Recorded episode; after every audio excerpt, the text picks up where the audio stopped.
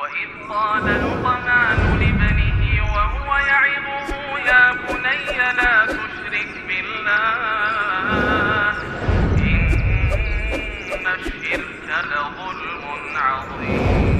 وإذ قال لقمان لابنه وهو يعظه يا بني لا تشرك بالله إن الشرك لظلم عظيم.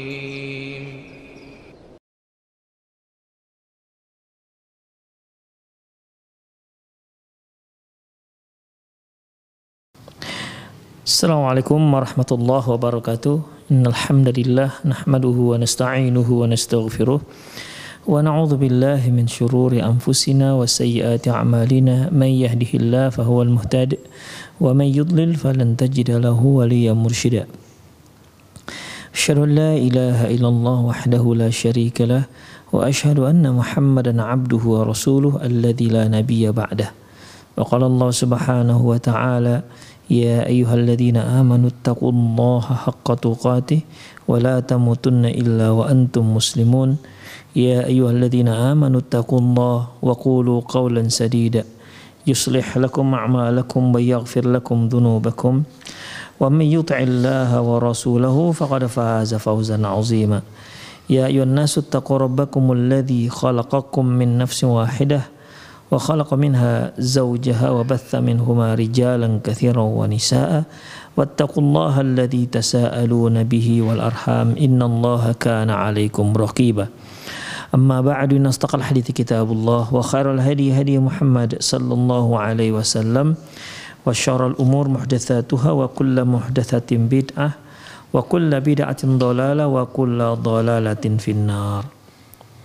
Kaum muslimin, kaum muslimat, para pemirsa di mana pun anda berada yang mudah-mudahan senantiasa dijaga dan dirahmati oleh Allah Subhanahu wa taala.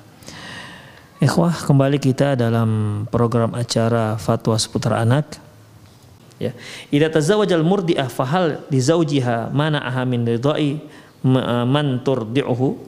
Apabila seorang ibu yang menyusui anak Kemudian dia menikah lagi. Apakah suaminya berhak mengatakan berhak untuk menstop menghentikan penyusuan si ibu terhadap si bayi? Jawabannya ya. Dalam kitab Muhadzab ya dalam kitab Muhadzab katakan bahwasanya wa idza tazawwajatil mar'atu fa zawjuha ay fali zawjiha ayyamna amir ridai waladiha illa ayattara ilaiha wa yakhsha alaiha at-talaf. Apabila seorang wanita yang menyusui anak seorang bayi, jadi Sila, seorang laki-laki menikah dengan seorang perempuan yang dia punya bayi yang sedang menyusui. Uh, maka si suami boleh mengatakan jangan disusui lah si anak, ya. Jangan disusui kasih susu formula saja misalnya, ya. Atau di stop kasih nasi tim saja misalnya, atau kasih makan yang lain jangan disusuin misalnya. Kata si suami, ya. Maka uh, maka itu dibolehkan. Kecuali kalau memang itu berbahaya terhadap uh, perkembangan si si bayi. Demikian ikhwan rahimanallahu wa iyyakum.